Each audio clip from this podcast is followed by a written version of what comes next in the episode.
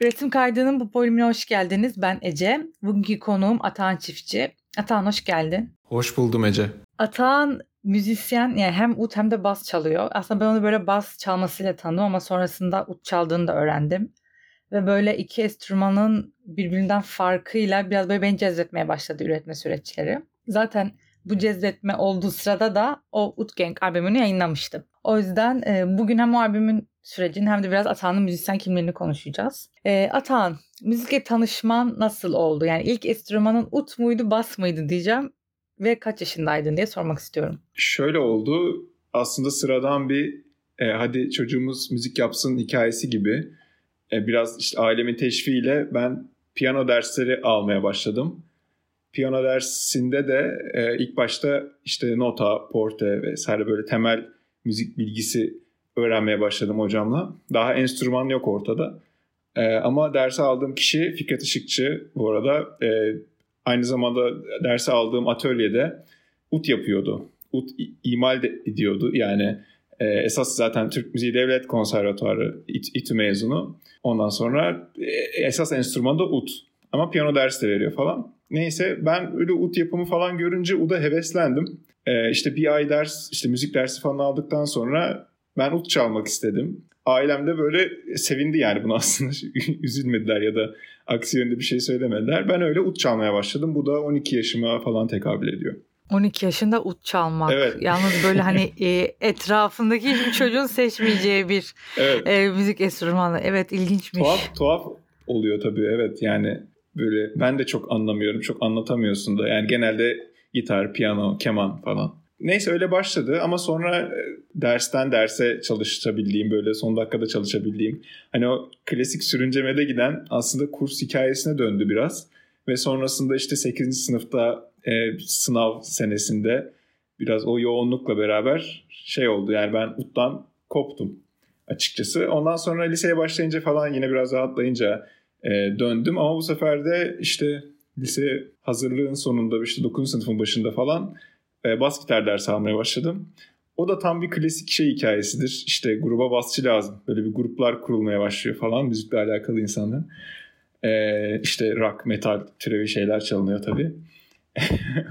o da tam bir klişedir. Ya bu basçılar neden hep sona kalıyor ya? Yani hep basçı neden sona kalıyor? Grubu neden basçısı en son bulunan oluyor? Bu, bu ayrı bir günün konusu ama ben bunu bir araştıracağım yani merak ettim. Hep hikayeler hep böyle. Yani şöyle özetleyebiliriz aslında biraz e, yani yapılan janra göre de değişiyor ama duyulması daha zor bir enstrüman. Yani onun da sebebi biraz teknik aslında. Bizim müzik dinlediğimiz aletler daha orta yüksek frekansları duymak için tasarlanmış şeyler. Daha insan sesini çıkarmak için olan şeyler özellikle telefonlar falan.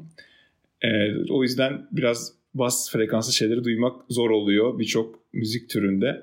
Ee, yani biraz daha aslında belki dikkatli dinlemek ya da müzik bilmek yani daha can kulağıyla dinlemek gerekiyor birçok şeyi duyabilmek için basla alakalı. Herhalde ondandır diye düşünüyorum. Ee, yani lisede böyle bas gitar çalmaya başladım. Emrah Sarıtunalılardan ders aldım. Aynı zamanda caz armonisi dersi de aldım ondan. İşte iki sene kadar kendisiyle devam ettik. Ben orada temel aslında birçok e, müzik bilgimi kazandım diyebilirim. Yani ilk ut dersi aldığımda bir sürü makam vesaire öğrenmiştim ama hani çocuktum sonuçta. E, Birçok şeyin oturması vesaire pek kolay olmuyor yani e, o zamanlar. E, bu bas dersi, armoni dersi alınca pekişti. Ve yani çok da güzel bir metodolojimiz vardı Emre abiyle. Çünkü hem kaydediyorduk bir sürü şeyi hem belki o zaman için çok yaygın değildi ama biz sürekli böyle işte YouTube'dan oradan buradan kayıtlar dinliyorduk, bakıyorduk bunlar nasıl yapmışlar, biz ne yaparız, bir kayıtta çaldığın şey nasıl duyulur, onu nasıl mixlemen lazım falan gibi şeyleri de konuşuyorduk. Bir basın yani enstrüman olarak tavrı nasıl olmalı, kompozisyon içinde ne yapmalı, ne etmeli gibi böyle çok detay güzel şeyler de konuşuyorduk. O yüzden en çok şey öğrendiğim dönem o zamandı müzikle alakalı. Çok güzel bir hikayeymiş. Peki bu albümün fikri ilk ne zaman çıktı? Yani ben artık bir albüm yapmalıyım mı dedin yoksa böyle küçük küçük biriken şarkılardan sonra bunlar albüm olsun mu dedin? Ee, bir de albümün ismi hikayesini dinleyelim senden. Yine aslında yani hikayeyi kronolojik olarak devam ettirebilirim gibi buradan. Çünkü ben aradaki süreçte lisedeyken falan yine ut çalıyordum ama çok fazla ilgilenmiyordum. Yani arada bir elime alıyordum. İşte kendimi aktif tutuyordum yani enstrüman üstünde sadece. Olay daha çok e, bas gitara dönmüştü. Ondan sonra biraz üniversitenin ortalarındayken tekrar ut çalmaya başladım. Ya o biraz kendinden gelişti. Neden gelişti açıkçası çok bilmiyorum. Yani bir şekilde tekrar çalışmaya başladım ve ilgim canlandı Türk müziğine karşı. İşte kendi kendime ilerletmeye başladım. Makam bilgisi, işte armoni bilgisi Türk müziği içinde. Ondan sonra böyle daha teknik çalışmalar yapıyordum. Ondan sonra biraz bu çalışmaları yaparken ortaya bazı işte motifler, melodiler çıkmaya başladı. Ve bunlar güzel şeylerdi yani bunları beğendim. Pek insanın yaptığı bir şeyde beğenmesi kolay olmuyor aslında ama biraz bir şeye benzeyince ortaya çıkan şeyler dedim ben bunu aynı zamanda projeleştireyim. Yani bir, bir şeye döner bir şekilde e, hani albüm olur bir şey olur yapayım bunu dedim. Öbür yandan da aslında benim işte bas gitar çaldığım majör bir proje var işte Gagarin vardı. İşte o ekiple de böyle kuzey cazı, latin, caz standartları, fusion e, böyle şeyler çalıyorduk ve o da işte hani gerçekten bir hani proje olarak İstanbul'da devam eden nadir caz ekiplerinden biriydi. Çünkü hani proje olarak derken hani üyeleri sabit sürekli çalan biz 5 sene kadar aktiftik yani böyle hiç üye değiştirmeden bir şekilde bunu başarmak e, önemli diye düşünüyorum. Neyse o pasif hale geldi.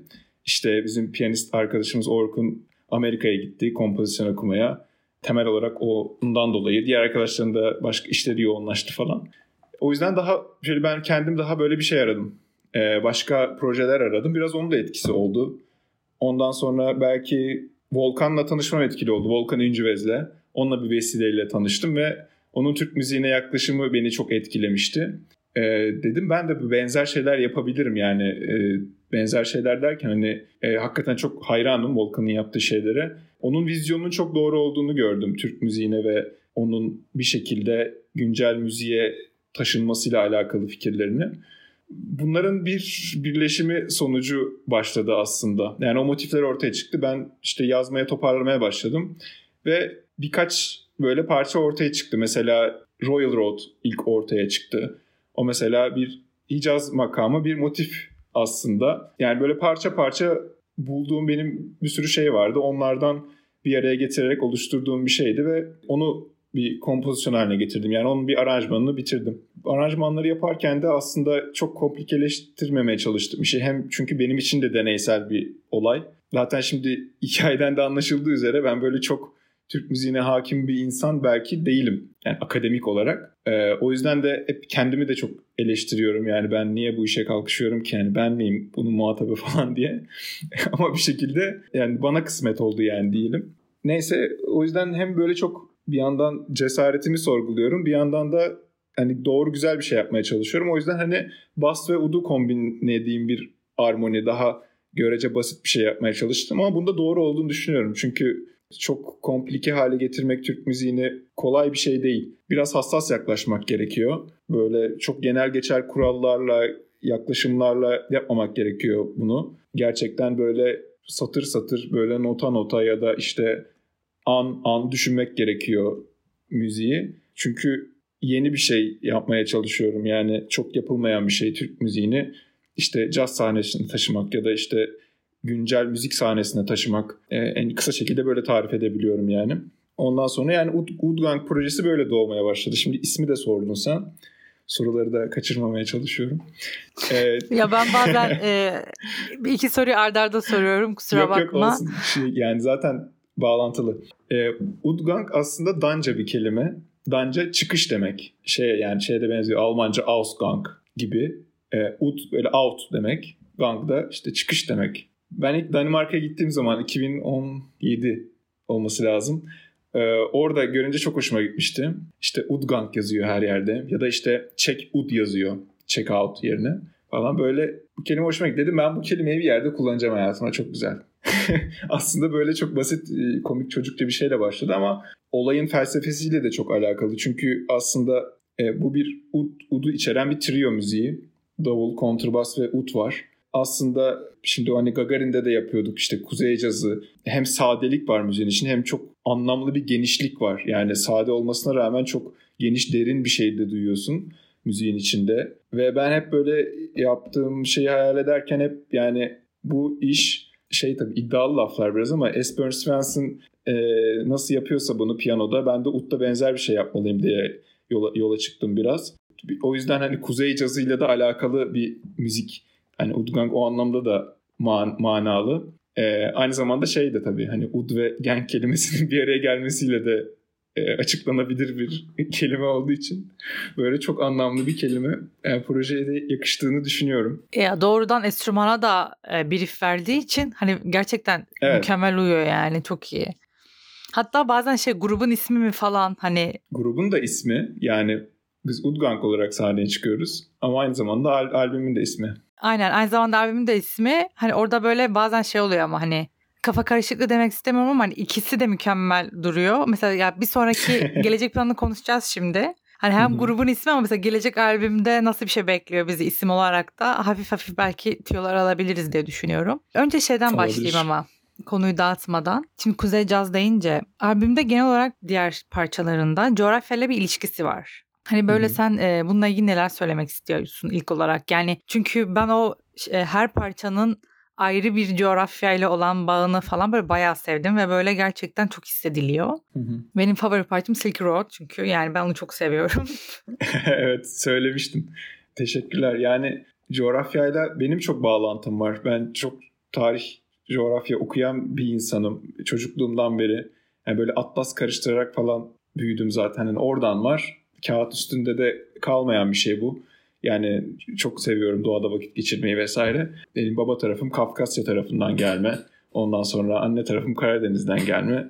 Ve böyle gerçekten Anadolu'nun her tarafında böyle değerli görüyorum. İşte Kafkasya, Orta, Orta Asya, Azerbaycan bu alanlarla daha hani daha somut bağlarım olduğu için e, oralarla daha kuvvetli bir ilişkim var diyebilirim. E, o yani yaptığım müzikte de bunu çok e, doğal olarak hissettiğim için aslında ortaya çıkan bir şey bu. E, ya bu her ne kadar klasik Türk müziğinin bir modernleştirme çalışması da olsa aslında daha yerel Anadolu içindeki müzikler olsun. İşte bu saydığım coğrafyalar Azerbaycan, Orta Asya, e, Çin, Hindistan gibi yerlere de dokunan bir şey. Yani on, on taraflara ait motifler de var.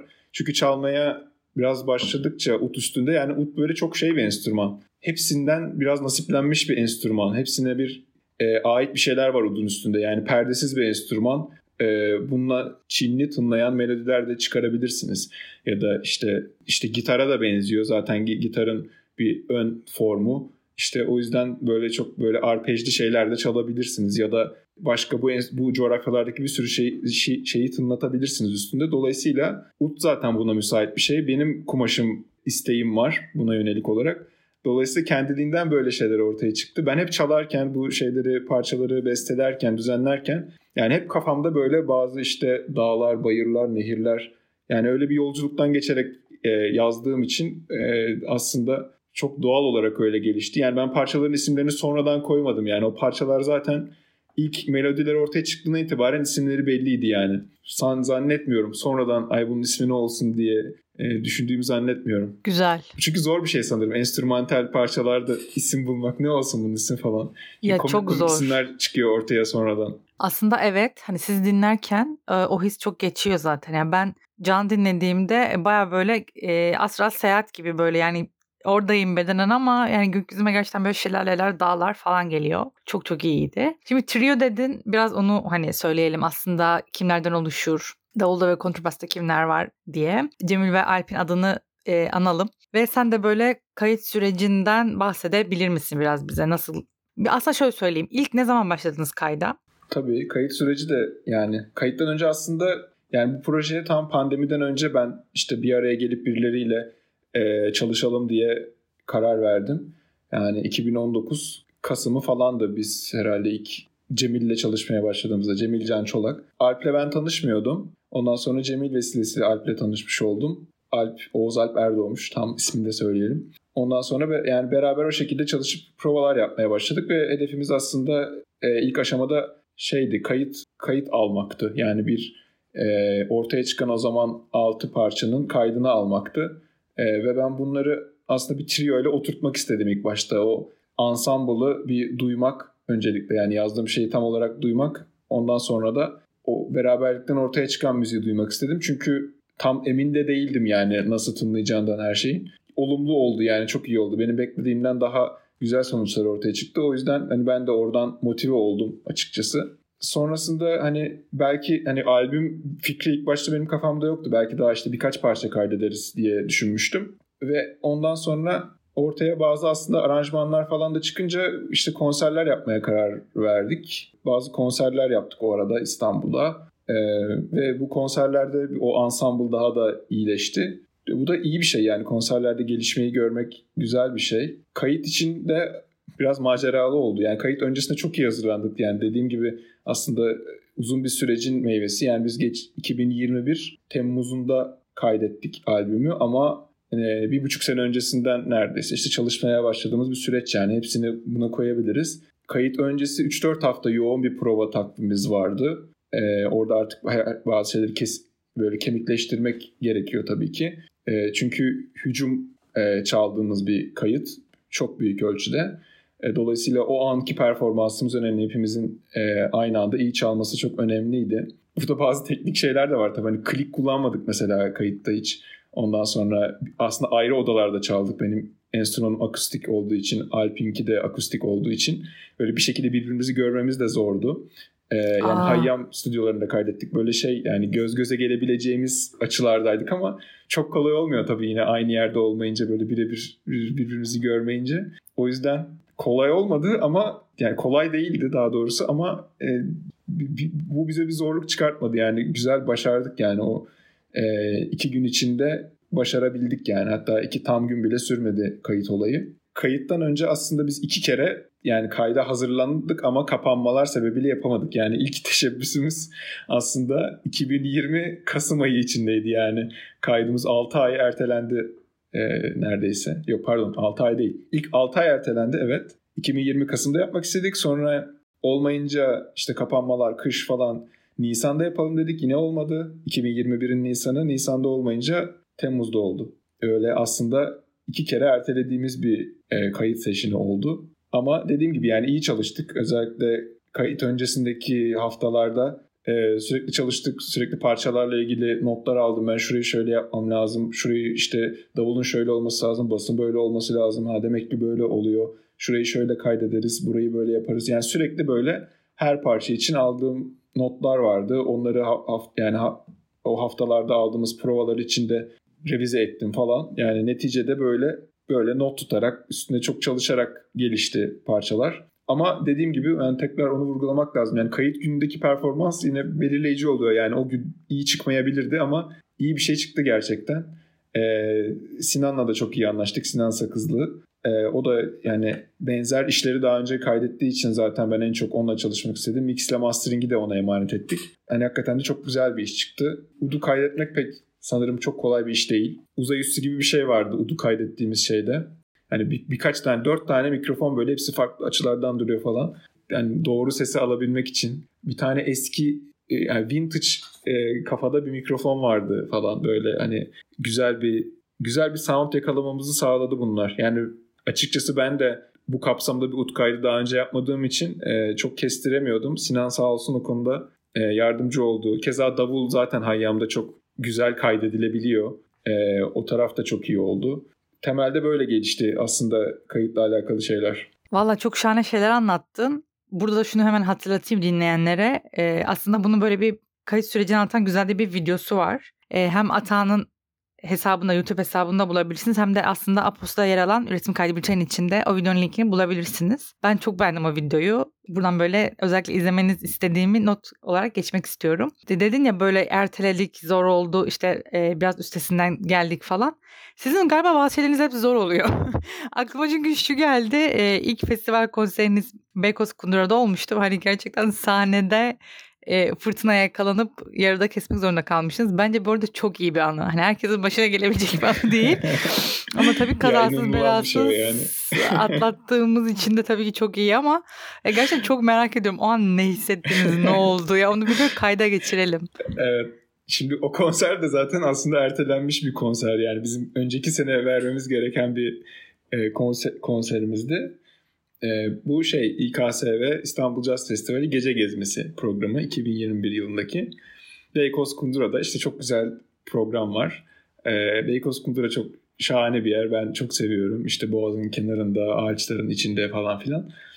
Ee, çok güzel bir gün olarak başladık biz işte gündüzden gittik orada falan provalar vesaire soundcheckler. Valla akşam içinde biraz yağmur gösteriyordu ama böyle hani bir felaket haberi yoktu aslında.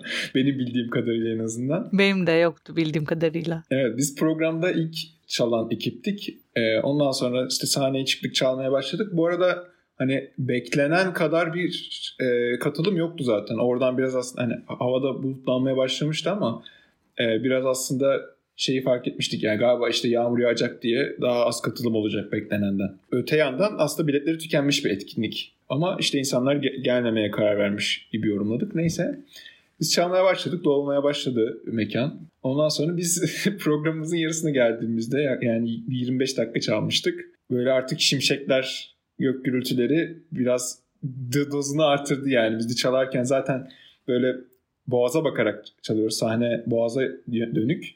Ben görüyorum böyle Sarıyer taraflarında kıyametler kopuyor. Ee, ondan sonra rüzgar biraz artmaya başladı. Yani bir 3-4 dakika içinde e, apokaliptik bir atmosfer oluştu.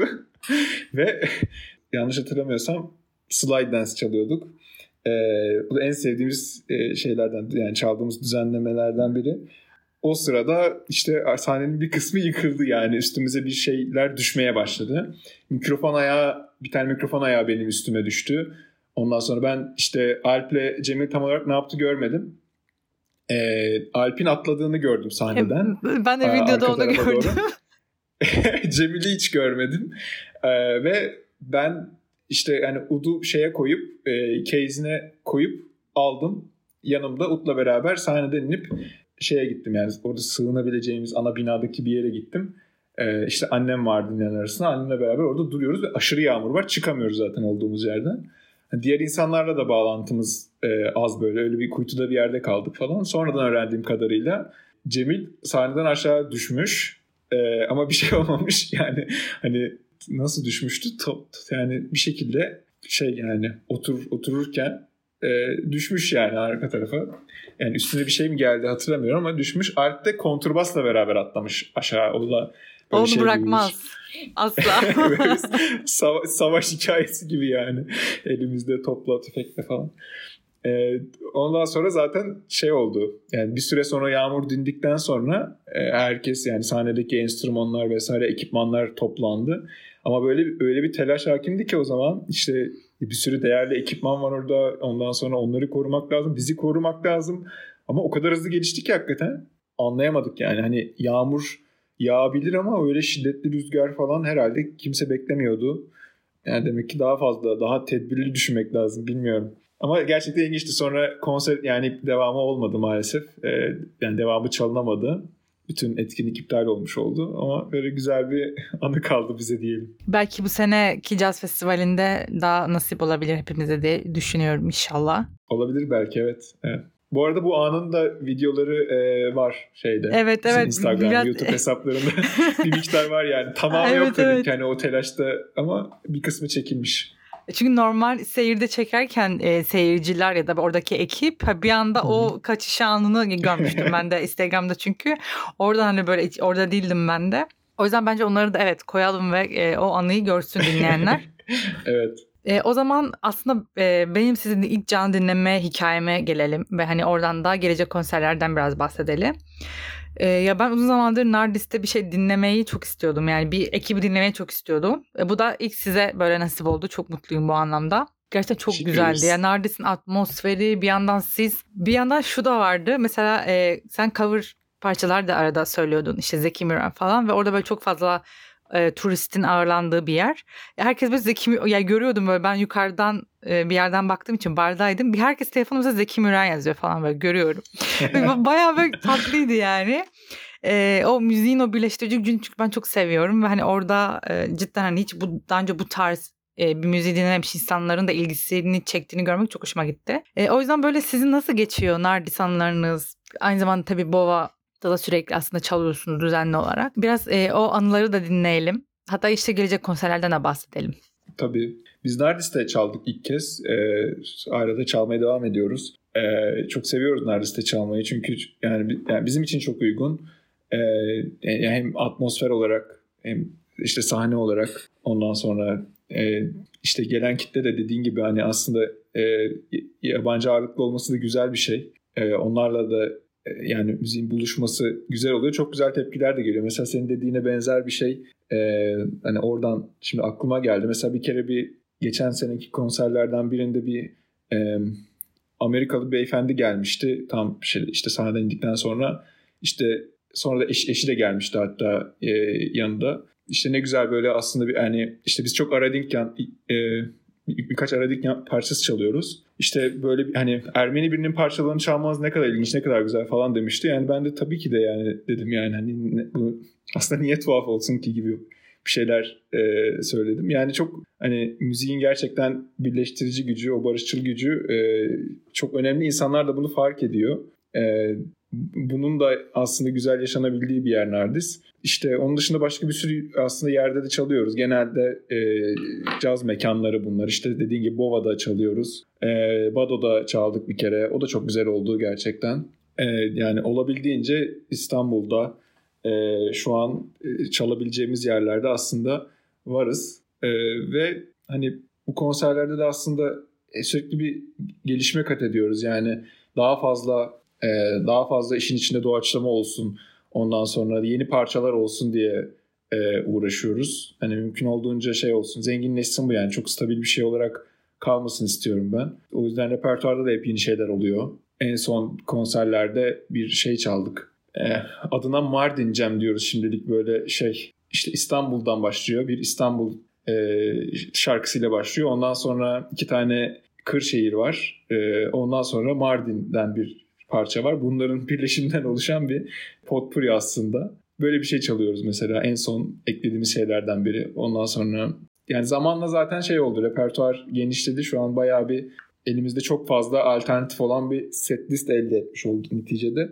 İstanbul'da bunun için ya bu müziği yapabilmemiz için e, şey yani bize gerekli imkanı sunuyor aslında bu açıdan şanslıyız. Tabii ki ben daha önceden bu, yani bunu farkındaydım. Ee, hani buna göre bir aslında repertuar müzik kurgumuz var. Ee, ama bunu yapabildiğimiz için, bulabildiğimiz için de şanslıyız yani. Çünkü aslında birçok müzik böyle performans alanı bulamadığı için ölüyor. Bizimki de biraz niş bir şey olduğu için bu performans alanını bir şekilde yaratmamız önemli. Ne kadar doğru söyledin. Hele bu ara böyle müzik yasayla falan e, savaştığımızı yani burada gerçekten savaşmak diyorum kelime olarak. Çünkü yani evet. zihnimiz savaşıyor. Nasıl olduğunu anlamaya çalışıyoruz.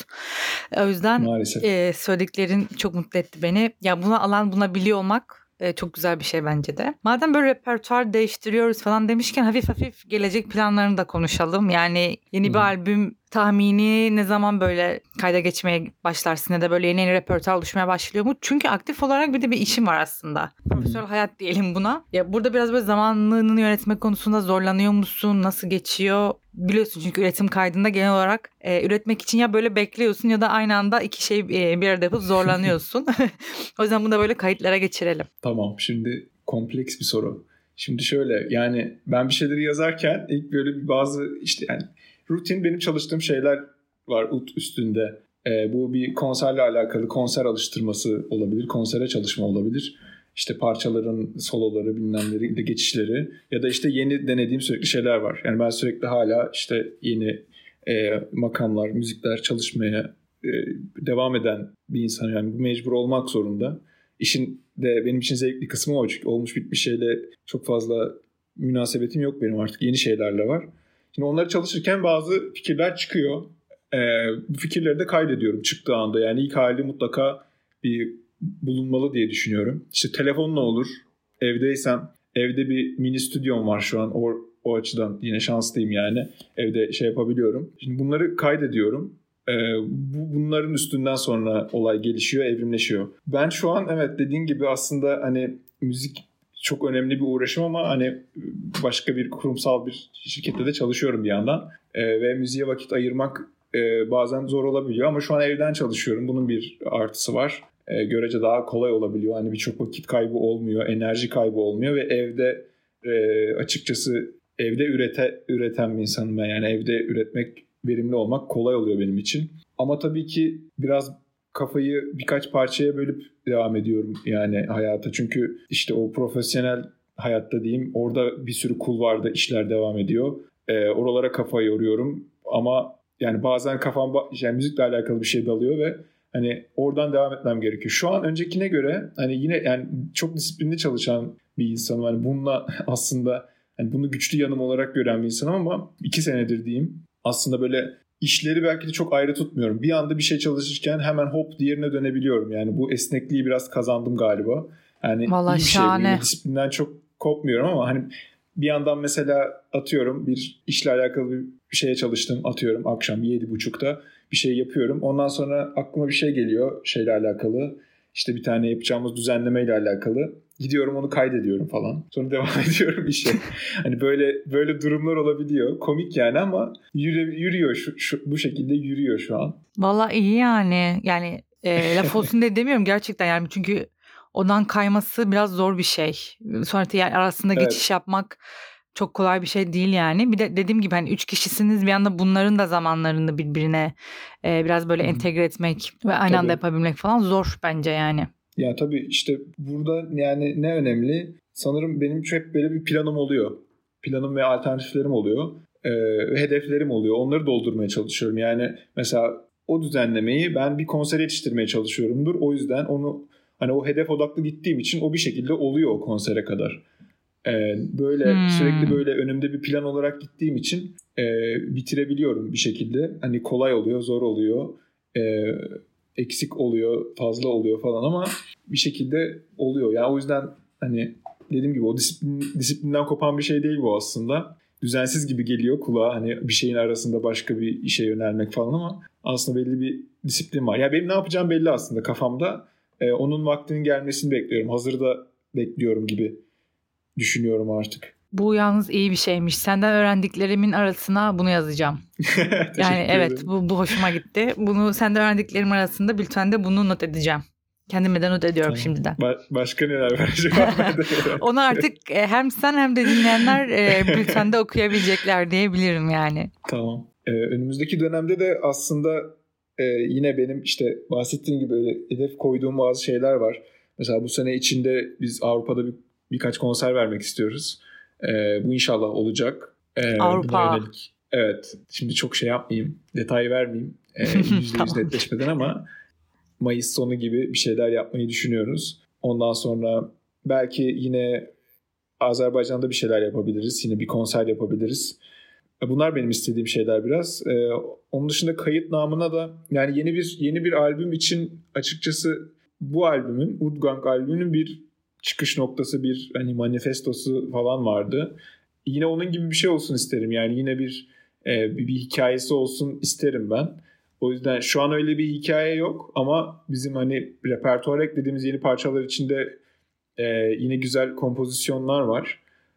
Ee, onlar onlar gelebilir yani böyle single ya da EP olarak gelebilir. Ama böyle bir albüm olabilecek bir şey henüz ben olduğunu zannetmiyorum yani öyle bir noktaya gelince yapmak lazım diye düşündüğüm için.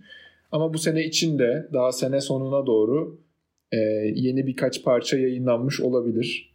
Tekliler halinde. Evet tekliler halinde ya da belki işte ikili üçlü olabilir. Bu biraz şeye bağlı. Yine birbiriyle uyumuna bağlı diyeyim. Bir de aslında bu Udgang albümündeki belki bir ya da iki parçaya bir klip çekmek istiyoruz. Yani yine şeyi yansıtan, aslında parçaların ruhunu yansıtan bir şey böyle performans klibinden ziyade başka bir başka bir hikaye barındıran bir kurguya sahip olabilir.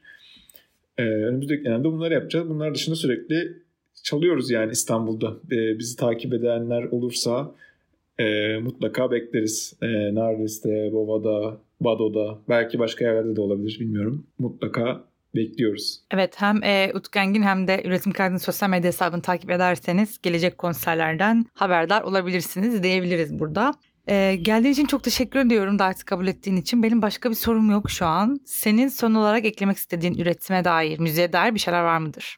Ben de çok teşekkür ediyorum Ece. E, çok güzel oldu. Ya bu, burada seninle konuşurken e, kolay oluyor kendimi ifade etmek. E, umarım insanlar da biraz daha e, belki Udgang'ı yeni tanıyorlardır. E, beni yeni tanıyorlardır. E, o da güzel bir kazanım ya da belki merak ettikleri bazı şeylerin cevaplarını bulmuşlardır. E, umarım yani faydalı olmuştur yani müzik anlamında ya da işte bu tip e, üretim süreçleri anlamında Bazı detayları ben de aktarmaya çalıştım. Umarım faydalı olmuştur yani herkes için.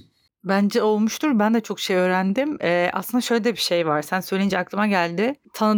Tanıdığından sonra da e, dinleyenlerin kafasında sorular oluşmuş olabilir. Yani dediğimiz gibi sosyal medya hesaplarından iletebilirsiniz bize soruları. Biz seve seve Mutlaka, dönerek cevaplarız.